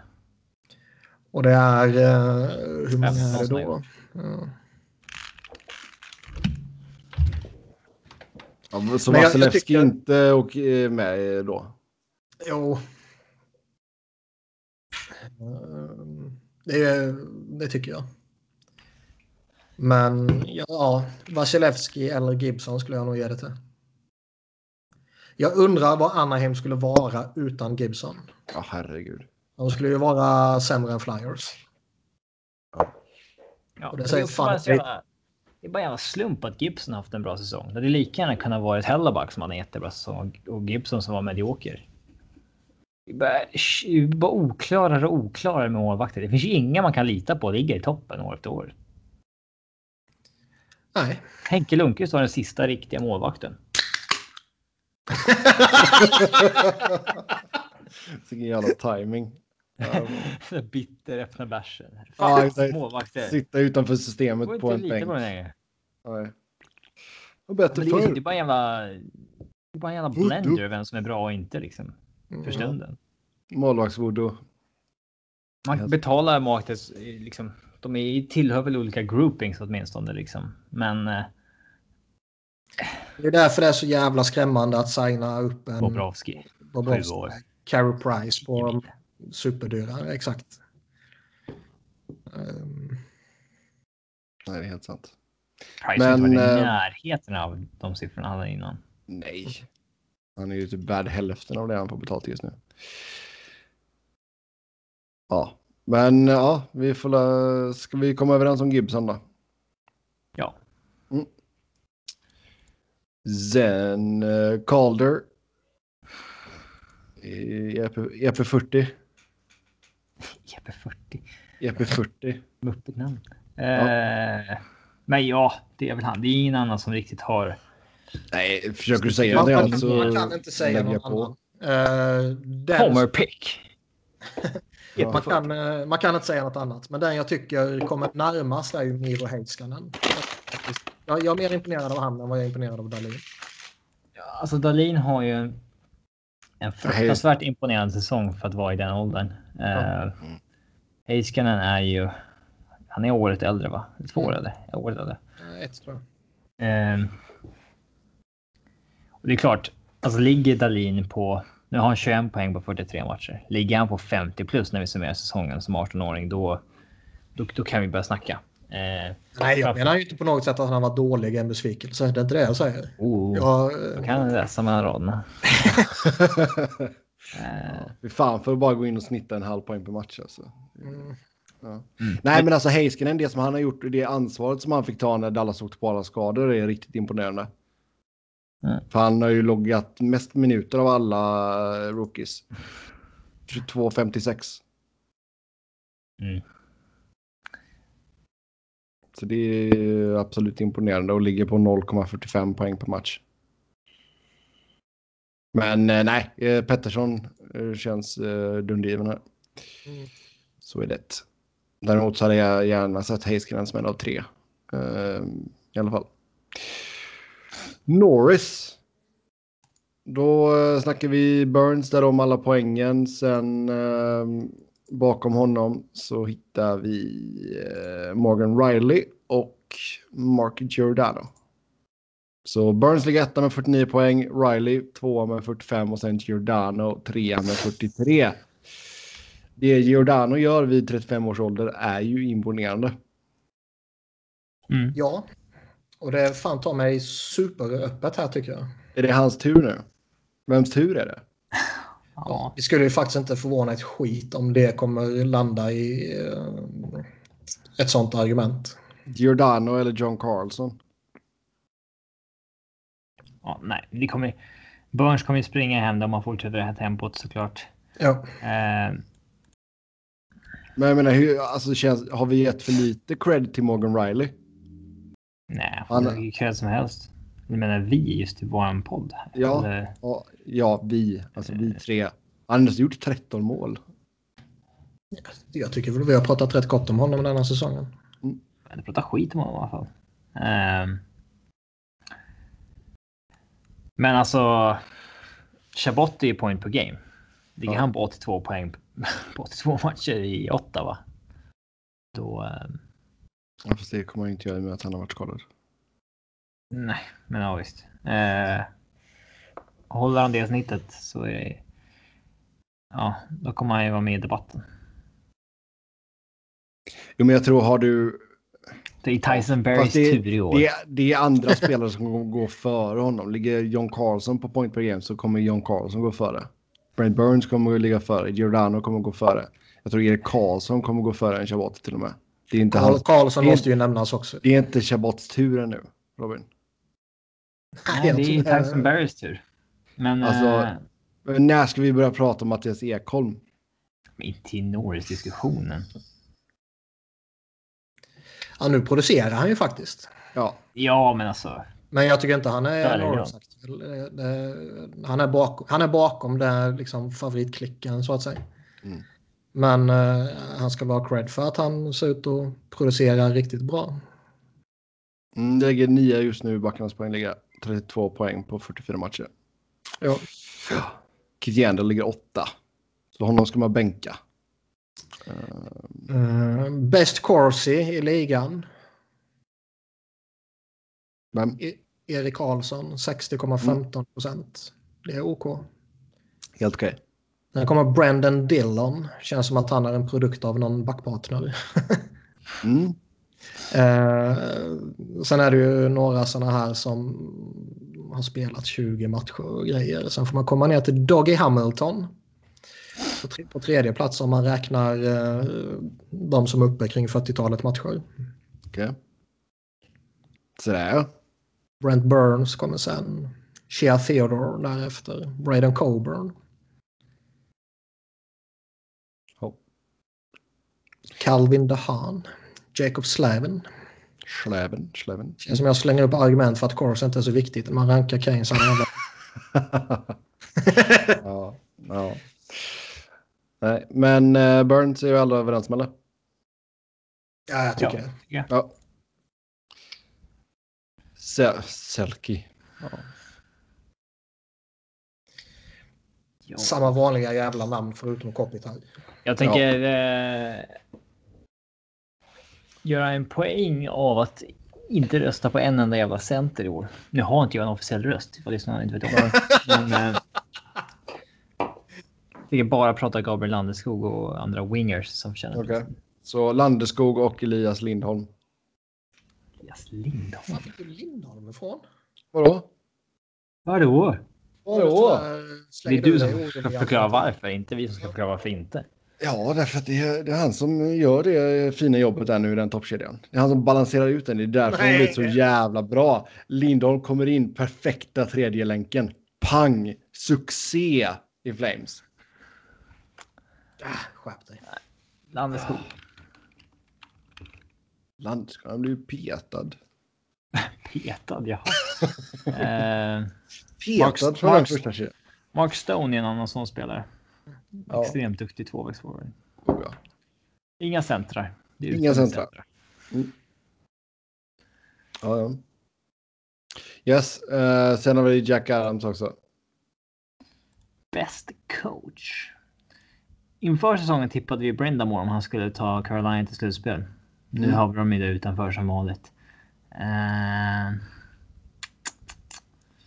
Ja, säg inte det. Det är inte så att de har... alltså vårt pick. Alltså Mm. bäst coach i ligan är ju Babcock. Men alltså, det är ändå, de ska ju ändå ha gjort något särskilt på något sätt för att få priset. Det Ja. tycker jag ändå. Eh, det är liksom... Eh, Jo, men sen är det bara baserat på en säsong också. Det är ju liksom... Ja, men det... Hade det varit en omröstning idag så kan jag säga, eh, så kan jag säga vem som hade vunnit. Och det är ju Bill eh, Peters i Calgary. Ja. Mm. För att de Det är väl är- inte orimligt? Nej, det är det väl inte. Eh... Ja, men det är ju av den klassiska anledningen att han har lyft ett lag mest.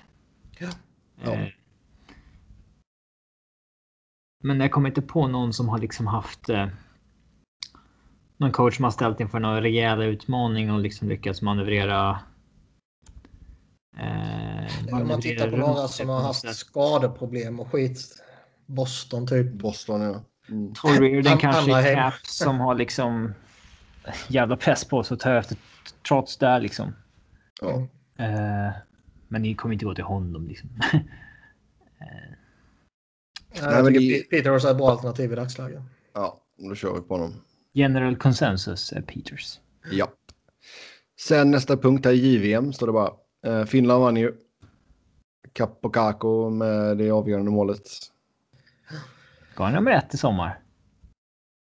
Nej, det tror jag inte. Hugh- Hughes måste nog kollapsa rätt saftigt under slutet på säsongen här då. Vem hade ni valt på rakt uppstuds idag? Det är svårt för man går ju jävligt hårt på JVM. Eh, Ja.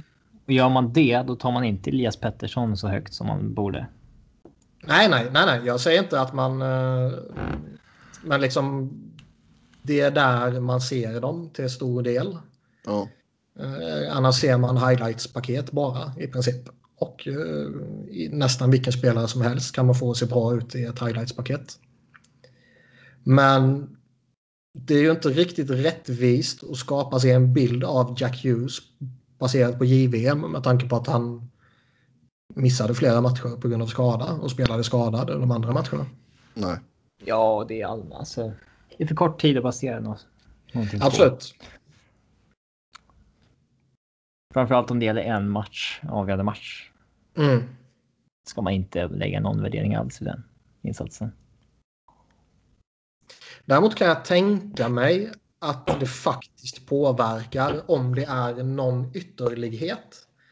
Om det är någon spelare som är så sjukt bra. Eller någon Oh, ja. som är en tokbesvikelse. Då tror jag det kan påverka. Men random insats så här, det, det ska ju inte påverka. Nej. Ja, det blir intressant att följa det, men som du säger, Hughes ligger väl fortfarande i framkant. Mm. Men det var ju, om man tittar på de senaste årens eh, ungdomshockey så var det ju inte förvånande att det är USA och Finland som, eh, som spelar final. De har ju dominerat skiten ur J18-VM de senaste åren till exempel. Och eh, ja, de har ju gått bra i JVM de senaste åren också. Mm. Så de gör bra saker på juniornivå. Ja. Ja, vill du säga någonting annat? Nej, man var imponerad av Schweiz. De hade inte mycket att sätta åt i, i semifinalen, men de pressade fan ryssarna i bronsmatchen. Och att ändå spela jämnt med så pass många stora lag som de ändå gjorde när man då tittar på vad de gjorde i gruppspelet och sen vad de gjorde i, i kvarten mot Sverige och i bronsmatchen mot Ryssland. Så de gör fan ett riktigt fint JVM för att för Schweiz. Grattis. Annars vet jag inte om eh, är det någonting man... Det är väl ingen sån här jätteslutsats man drar på något.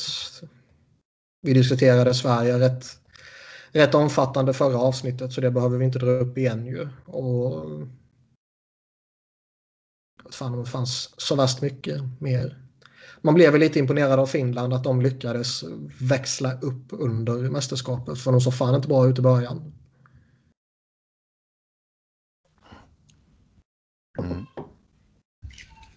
Det var lite Yes. roliga matcher sen mot, eh, i slutspelet också. Semifinalen mellan Kanada och Finland. Det var ju jätteunderhållande. Finalen tyckte jag var rolig. Så lite ska ju vara det. Jag tycker gruppspelet var lite avslaget, men Han brukar det väl vara. ja, ibland. Japp. Eh, sen så överväger internationella hockeyförbundet att eh, spela sina matcher på eh, liten rink i framtiden. Ja, det är ju lite intressant.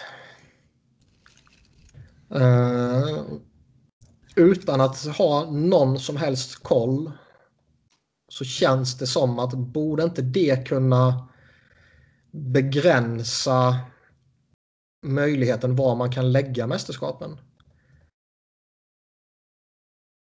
Jag vet. För alla, alla arenor är kanske inte designade för att kunna justera måtten. Ja, det menar så ja. Det är mycket möjligt.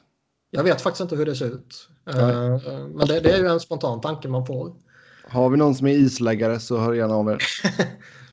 Eh, sen kanske inte det är aktuellt för han hamnade i, i, liksom i, i Tjeckien eller i Finland eller i Sverige eller i, i Ryssland eller Tyskland eller vad det nu skulle kunna vara så är det ju bara ett fåtal arenor som ändå är aktuella känns det som. Mm. Och de kanske är så pass stora och så pass moderna att de, de har den möjligheten. Så det kanske är en icke-fråga. Lägg det i Danmark igen. Det verkar som att det var trevligt. Ja, ja, bra med öl. Mm. Men eh, annars är väl det mest eh, intressanta om det är eh, är, är liten rink så pass mycket roligare än stor rink? Eller har det bara råkat vara så att de absolut bästa spelarna spelar på liten rink och därför framstår liten rink som roligare? Det tror jag. Ärligt talat så. Alltså när jag ser en hockeymatch, jag tänker inte på om det är stor eller liten rink. Inte jag heller. Jag, jag. Jag noterar inte den skillnaden. Alltså på det sättet. Nej. Nej, jag håller med helt och hållet. Skillnaden känns ganska överskattad. Sen är det klart. Om en Jason Garrison med dålig rörlighet kommer till Sverige efter att ha spelat i NHL hela sitt liv. Det är klart att han, det kommer vara en anpassning för honom att isen är ett par meter bredare. Mm. Men det generella spelet tycker jag inte jag påverkas så mycket av huruvida rinken har. Alltså du har ju mycket mindre. Men det, jag menar, det har ju med spelsätt också ja, men du har ju mycket mindre dump and chase. Eh, I till exempel SHL. Så jag menar, där, där kan jag också känna, alltså för mig som tittar på Det spelar ingen roll för mig om vi spelar på stor eller liten. Ah, Okej, ja. Nej, det skiter jag i om de lägger turneringar på stor eller liten rink. Men jag märker ju av att det är mer, det är ju mer, mer att röra sig på för spelarna. Det, det märker jag av när jag kollar på en SHL-match. Eh, och jag menar, där hade ju... Frågan där är ifall inte det hade varit bättre för... Vi, för vi, jag- vi glider in lite här nu på lyssnarfrågorna som var ett stort tack till er som har skrivit in. Eh, redline offside kan det vara aktuellt att ta tillbaka för att sänka farten på spelet. Alltså jag tror att hade du gått i stor is så hade det nog nästan varit roligare än att ta tillbaka redline offside för det tycker jag var en tråkig regel. Det är ju så jävla orimligt att man spelar på olika mått. Eller att liksom en, en kontinent har en arena och en annan har en annan arena. Eh, jättekonstigt. Ja. Och det är ju en omöjlighet att få allting likadant. Det, det, det funkar ju inte, det kommer inte ske liksom. Men Att fan, jag, Nej, men hade jag fått välja så hade jag hellre haft stor rink än liten rink. ja, jag bryr mig inte ett skit. Eh, För Jag tror att det hade ändå så gynnat de snabba tekniska spelarna. Mer yta. Det tror jag bara varit positivt för dem. Kanske. Uh, angående Red Line Offside så... Jag vet inte. Jag tycker det är rätt gött att se de där riktigt långa, fina, skärande passningarna. Ja, de är fina. Ja. Ta, bort, ta bort alla offsider. Ja. Ta bort icing också. Uh, nej, men det finns ju regeljusteringar man kan göra som skulle göra hockey mer uh, underhållande och sådär. Men Red Line of Side har jag nog aldrig funderat på själv faktiskt. Nej. Det är konstigt att fotbollen har olika planmått lite överallt också. Jo, men där, är det ju, där säger ju reglerna att planen ska vara minst så här lång och max så här lång. Uh, det känns så här konstigt att, att Anfield är fem meter kortare än Old Trafford. Liksom. Ja, absolut. Men där, där, där står det ändå specifierat i regelboken att det ska vara mellan de här måtten. Mm. Men vad jag vet från hockeyn så är det ju inte att du får välja. Utan där är det så eller så. Vilket announcement det hade varit om Växjö Lakers annonserade till nästa år. Vi byter till liten rink. Va? Bara ni? Ja. Så det, det, ja. det hade varit någonting. Hemmafördel. Ja. Som plastgräs. Mm. Mm. Nästa fråga här. Lek med tanken att Oilers bestämmer sig för att trada McDavid. Hur skulle en sån trade se ut? Vad skulle ni göra för att få Oilers till en contender? Ja, du gör ju inte Oilers till en contender genom att trada McDavid eller vad? Det är svårt att veta vad han skulle tradas för. Alltså det var... Ja.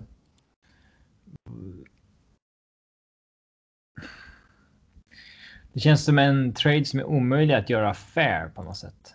Hur ska man komma upp i McDavids värde?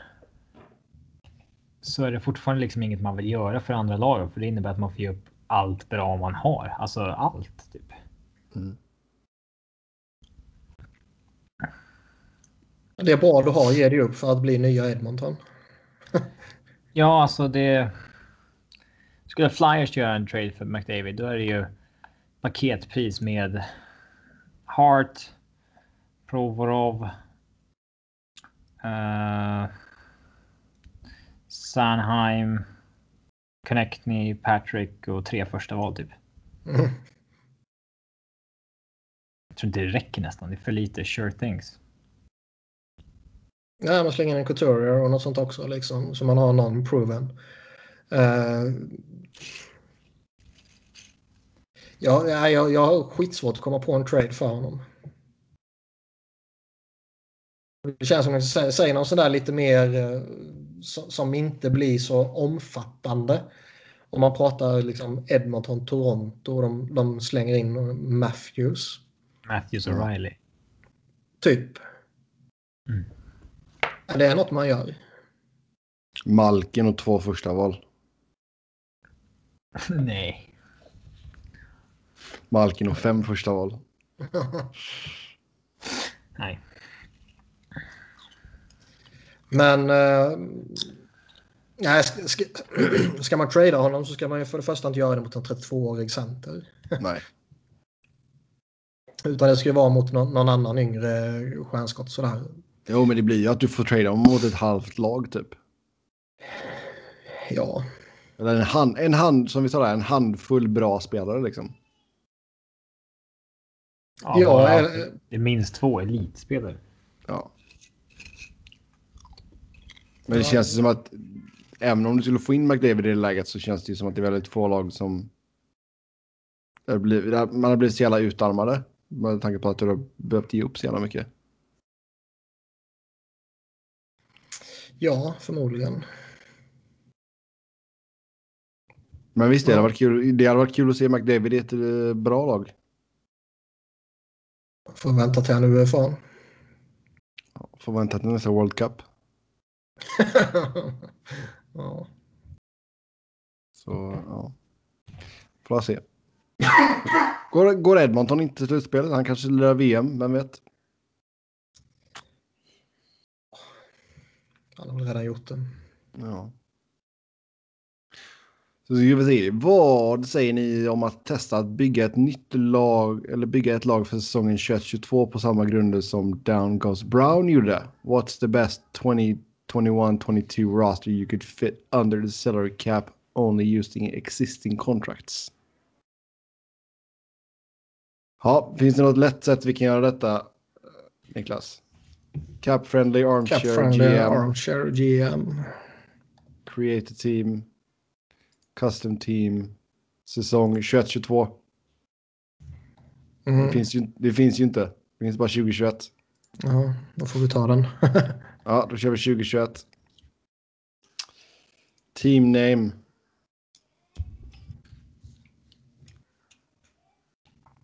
ja, du får kalla vad fan du vill. Hur hittade ni dit? Cup Friendly och sen i menyn högst upp Armchair GM.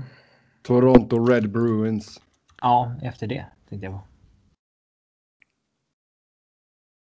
Vadå efter? Ja, Create a Team. Hur bytte du år? Season. Jaha, sen. Ja, där. Eh, salary cap.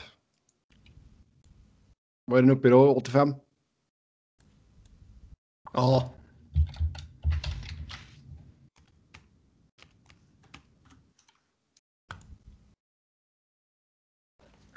Okej. Ja, 85 miljoner dollar capita. Metal Sealer. Uh, ska vi se.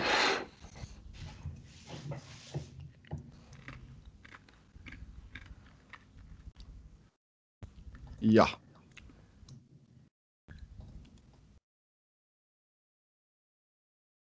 Då ska vi se. Ja, vi kan börja med att lyfta in McKinnon. jag kan eh, acceptera det. Jag säga, hur fan tar jag bort en spelare härifrån? Jag råkar klicka in Just. Det första jag klickar på pennan. Ja, pennan. Och sen... Sen står det väl någon delete eller någonting. Nej, det gör inte det. Helvete också. Ja, Justin Abdicator då. Första namnet. Trevligt. Jävla sopa. Men vad fan, nu tar jag bort en spelare. Helvete. Så, nu, borta. Uh, ska se, hur kan jag sortera i order? eh, där, capit. Okej, ja, McDavid in. Pang.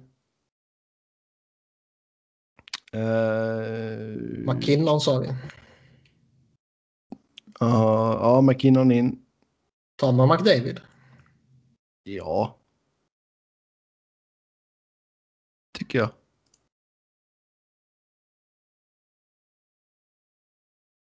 Okej.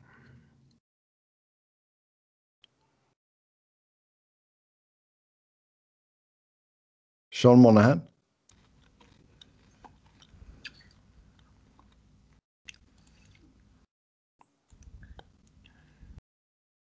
Mm, ja, det kanske är för mycket. Okej. Ja, ska vi börja hitta lite halvfynd här då. Huber då på fem- 5,9 går in. Ja, det kanske det gör. Raquel. Mm. 3,8. Ja, han kan man slänga in.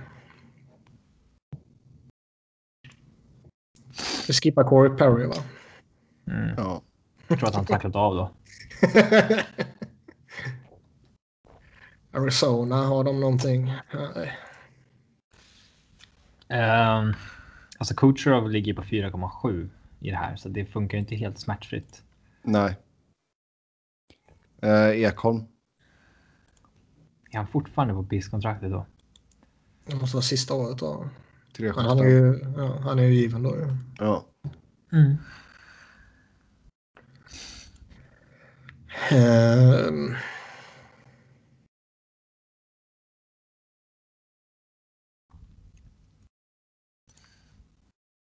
Det är helt lätt att spontana fram det här men uh, Cup Friendly är fantastisk och idag släppte de sin när de har coacher och GMs också. Men eh, just i den här övningen så var det lite begränsat känner jag. Ja. Ja, vi skiter i det då. Ja, vi sparar den. Ja. Fjällby. ja. Hur ska Tampa göra för att klara capen nästa år? Vilka spelare hade ni bytt bort? Hade varit roligt om ni tänker lite utanför boxen också. Vad skulle exempelvis en Stamkos eller Hedman kunna ge i en trade? Tänker att de har två potentiella ersättare i Point och Sergachev. Ska man vara helt hjärtlös så är det ju typ Stamkos som ska titta på och plocka bort. Ja. Man ska vara hjärtlös. Ja. Only the weak listen to the heart. Låter som ett bra citat. Vem har sagt det? Ja, ja nu. Tänkte att det var från någon film eller någonting. Nej. The successful people think with the brains, not the heart. Ja. Men visst, Stamkos, där har du fått loss Mycket pengar, ja. mycket pengar plus du har kunnat få in en hel del picks. Eller Ja. prospects. Och det är väl där någonstans de behöver vara nu då. Slussa in Fast de ska väl inte gå efter på ELC. picks? Nej, De de ska efter, sig- de, ska gå, de ska gå efter prospects på E ELC. Antingen prospects som är nästan i NHL. Eller, Alltså topp tre val i årets draft, typ. ja, ja, eller sådana grejer. Mm. Men uh, samla på sig en massa picks in i framtiden och sådär. Sånt trams ska de inte hålla på med. För vad som än händer denna säsongen och vem de än eh, dumpar kommande år. Så kommer ju Tampa vara en contender kommande år. Ge bort Callahan eller köp ut honom.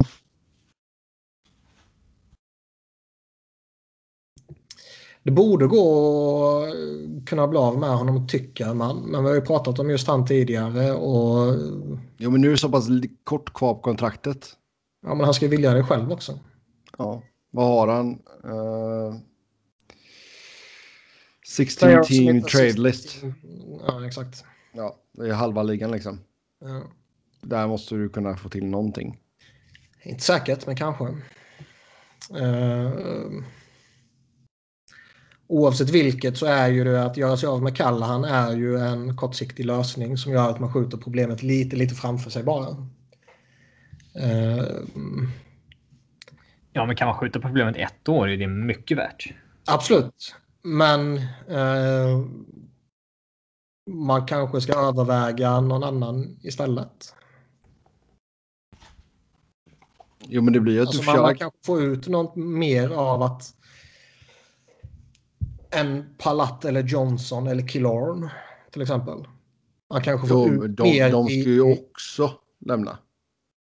Alla kan inte lämna. Alla Alltså, ska inte lämna. Allt! Nej, nej, men alltså du kan ju... Du behöver ju få loss de pengarna från Callahan. Sen skulle det vara bra om du fick loss de pengarna från Stamkos.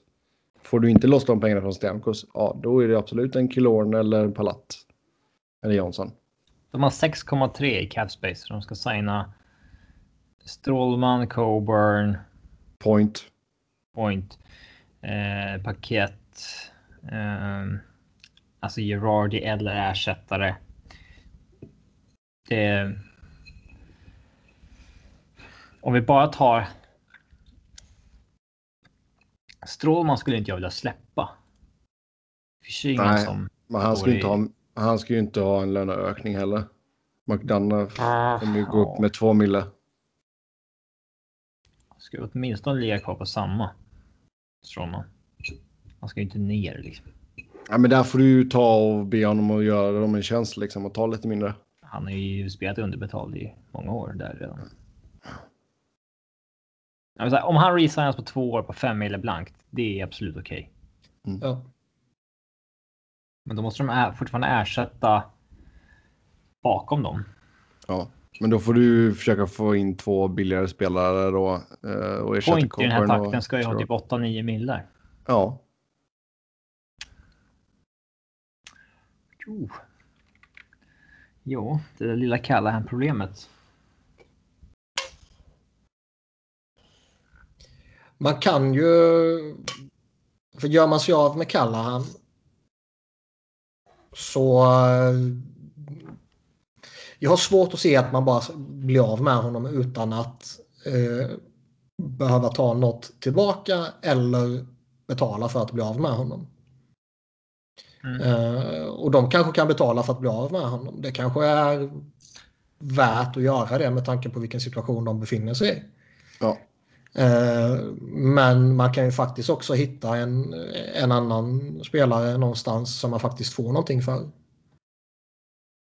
Alltså bestämmer de sig för att träda en Palat eller Johnson eller till och med en Killorn så kommer de ju få någonting för det.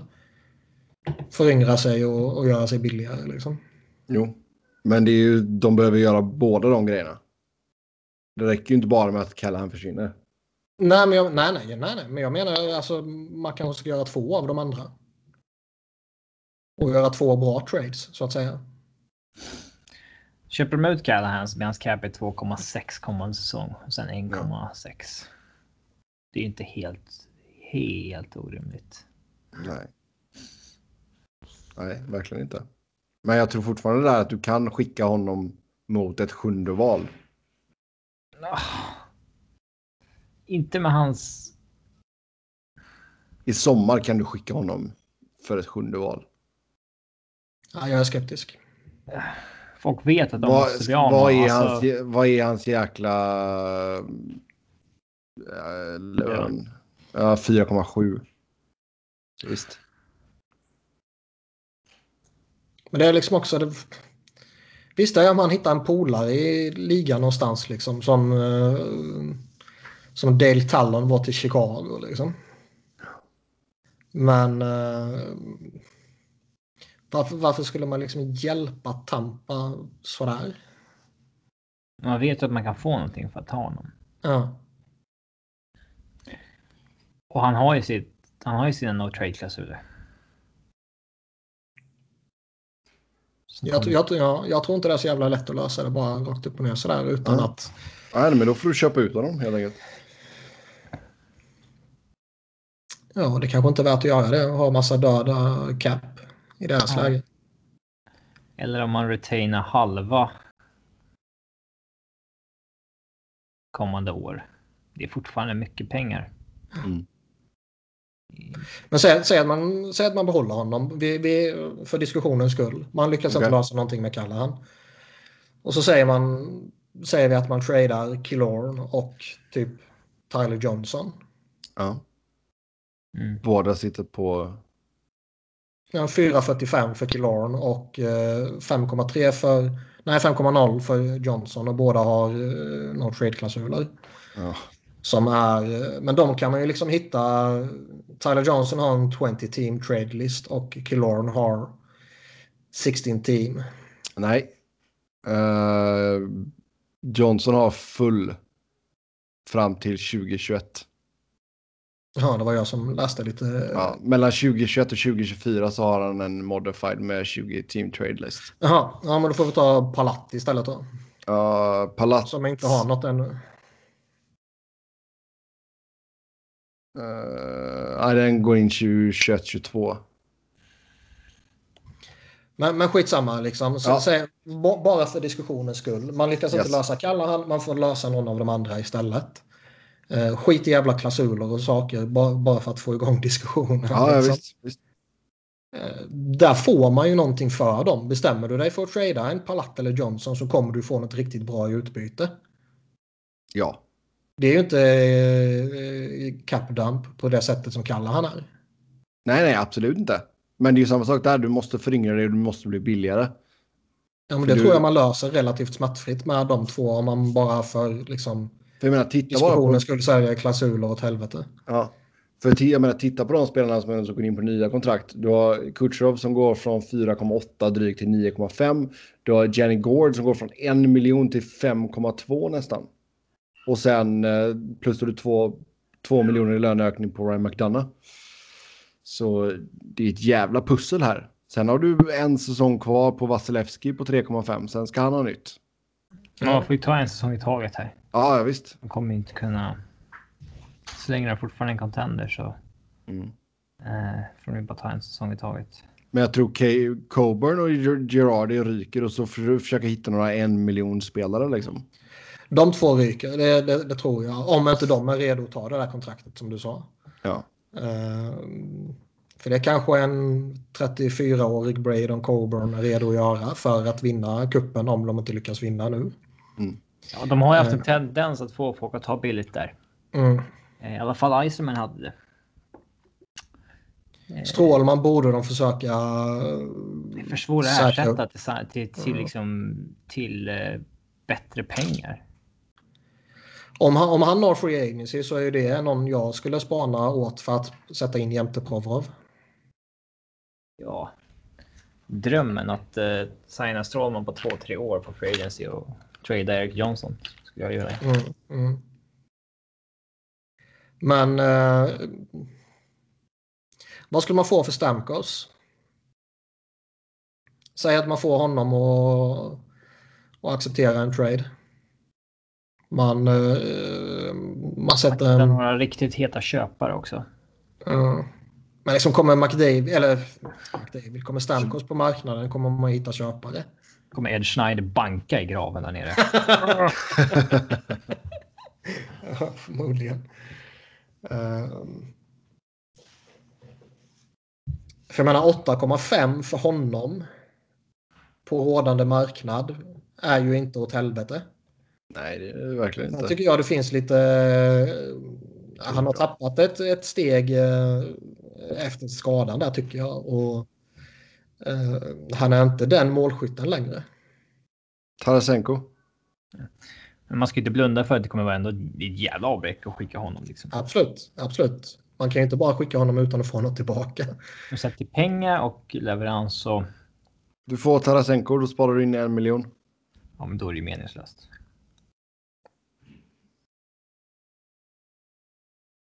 Vad har vi för några jävla superkontrakt ute i ligan? Då får de inte mot McKinnon. Liksom. Men det är samma sak där. Alltså, ska du skicka honom mot en annan forward då? Eller skickar du honom mot en, en back? Nej, forward. Okej. Okay. Dogge Hamilton. Kan de skeppa Strålman?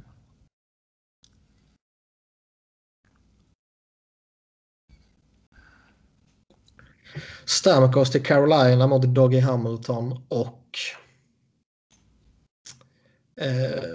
de måste få in en forward också. Men de har ju ingen forward signade till något vettigt kontrakt. Uh... Ah, hon blir ju billigare än Stamkos kanske. Jo. Men... Eh...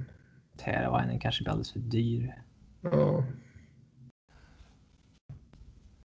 Ja, det var inte så jävla enkel.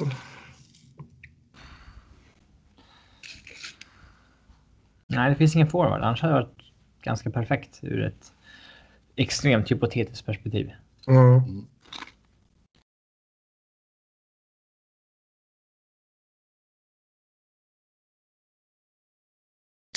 Stamkos till eh, Toronto. Nylander och någonting annat går till eh, Tampa. Mm. Det här syftet med traden är att spara pengar. Ja.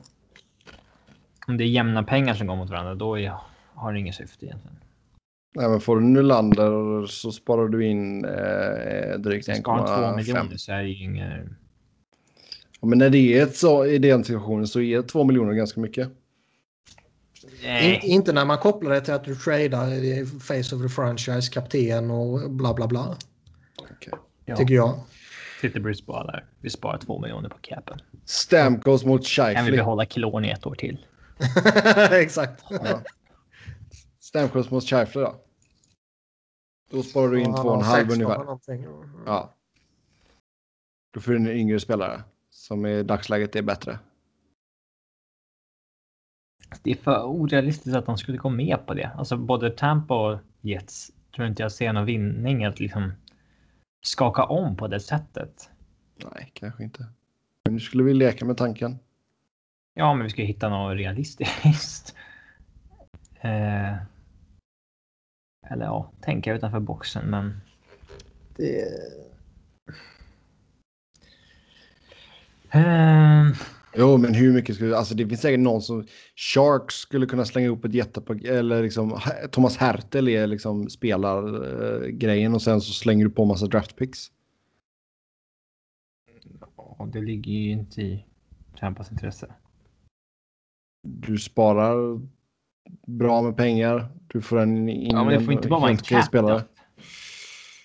Nej, nej, men alltså det är, eller att du eh, Sharks ger upp massa prospects då. Och Hertel. Hertel är fortfarande en gedigen spelare. Ja, men ganska överbetald. Liksom second line spelare.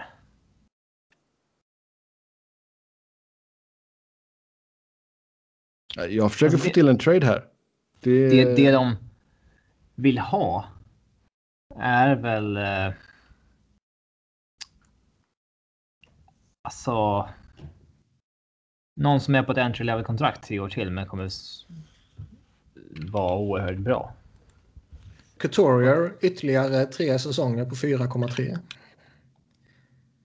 Och Couturier plus plus då givetvis. Eh, någon på någon entry level och sådär liksom. Men, Turrier och Patrick kanske och någonting mer. eh, men det är ju typ en, det är ett sånt kontrakt man behöver hitta. Där de i så fall sparar flera miljoner. Mm. Och sen får ytterligare en eller två spelare som är typ entry level kontrakt. Ja, skulle de byta Stamkos mot Couturier så sparar de ju in halva kontraktet. Får dessutom Patrick på ELC och potential att han exploderar när han fortfarande är billig. Och löneutrymme utöver det. Ja. Det skulle du ju ha. Det skulle ju ticka alla boxar så att säga. Eh, Men. Om han ska gå. Ja men typ. Eh, Habs. Alltså en Kotkaniemi. Mm. Kommer också vara billig i. Två år till då. Kanske lite. Ja. Det är svårt att hitta. Lite för stor osäkerhet.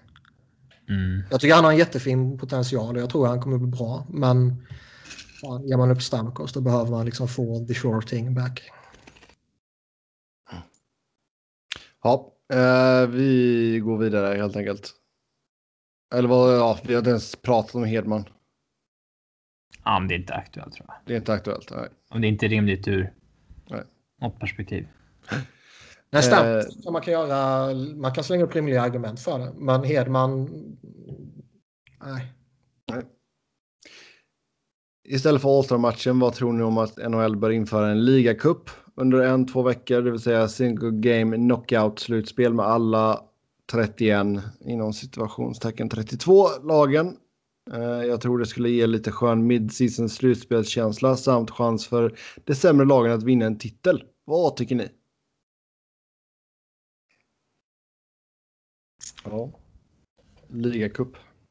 Det som slog mig är lägg ner den här jävla Allstar-trams skit. Det är bara tråkigt. Eh, man kanske till och med kan kapa några matcher på, från grundserien om Kommer aldrig ske. Nej, men jag menar du kompenserar det ju med andra matcher då. Så du får li fortfarande lika många matcher på en säsong. Bara det att grundserien blir färre. Eh, men de sex matcherna du kapar får, spelar du ändå i den här kuppen Liksom. Mm. Eh, och sen får man några prispengar för att du vinner det. Och så... Eh,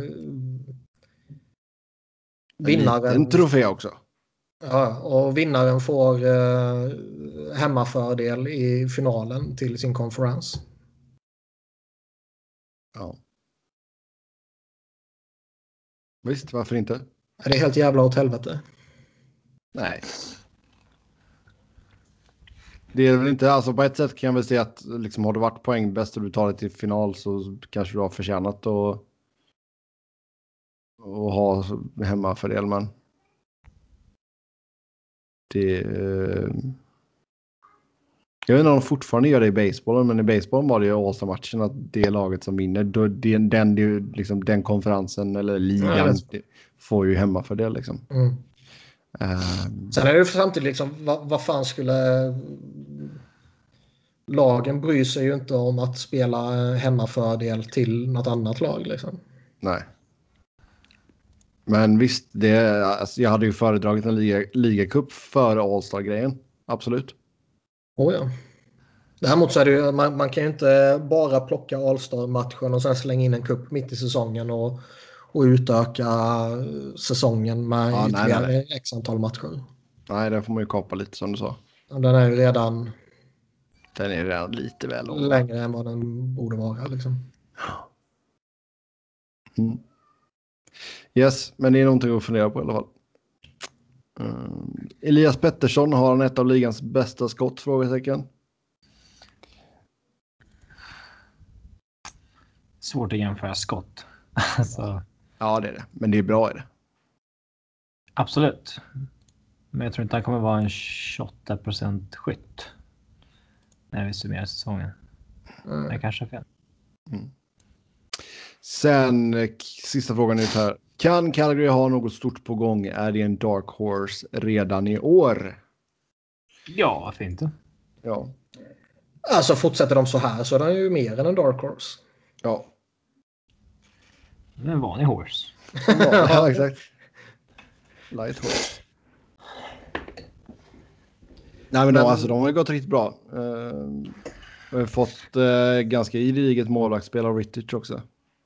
Nu är det ju Calgary med allt vad det innebär. Eh, målvaktssituation och, och så vidare. Och lite eh, osäkerhet bakom första kedjan är det ju trots allt. Så om 20 matcher kanske vi sitter och pratar om, om Calgary som en icke-contender igen. Alltså, fast, du har ju som du säger, den första kedjan är ju ruggig. Ehm, Man är fyra forwards man kan luta sig mot. Mm. Pedro, Monan, Kachak, Lindholm. Två toppbackar, Jordana Hanifin. Otroligt gedigen spelare i Backlund bakom Brody. Och det finns ändå mycket som inte har lyft än heller. Bennett, Mm. Jankowski. James Neal ser ut som en- katastrofvärvning. Eh, Ja. ni, ja jävlar vad dålig Kontrakt i helt fel tidpunkt att ge en spelare det kontraktet. Eh, Travis Hammonick faller också in i kategorin liksom otroligt gedigen. Men Mm. bredden är väl kanske inte riktigt där. Och Det är väl för att det finns för mycket pengar på skit bakom. Inte skit, men det är mycket pengar på Ja, med spelare som inte lever upp till Prolik, kontraktet. Liksom. Neil, eh, ja, Derek Ryan. Det, det hämmar ju dem lite grann. Mm. Ehm, men det är klart att de kan. De kan väl utmana i år, varför inte? Mm. Yes, med det då så tar vi och säger tack och hej för denna gången. Som vanligt ska ni köta hockey med oss via Twitter. Men hittar ni på att Noren, Niklas hittar ni på att Niklas Wiberg, Niklas med C och enkel V och Robin hittar ni på R underscore Fredriksson. Tills nästa gång, ha det gött, hej!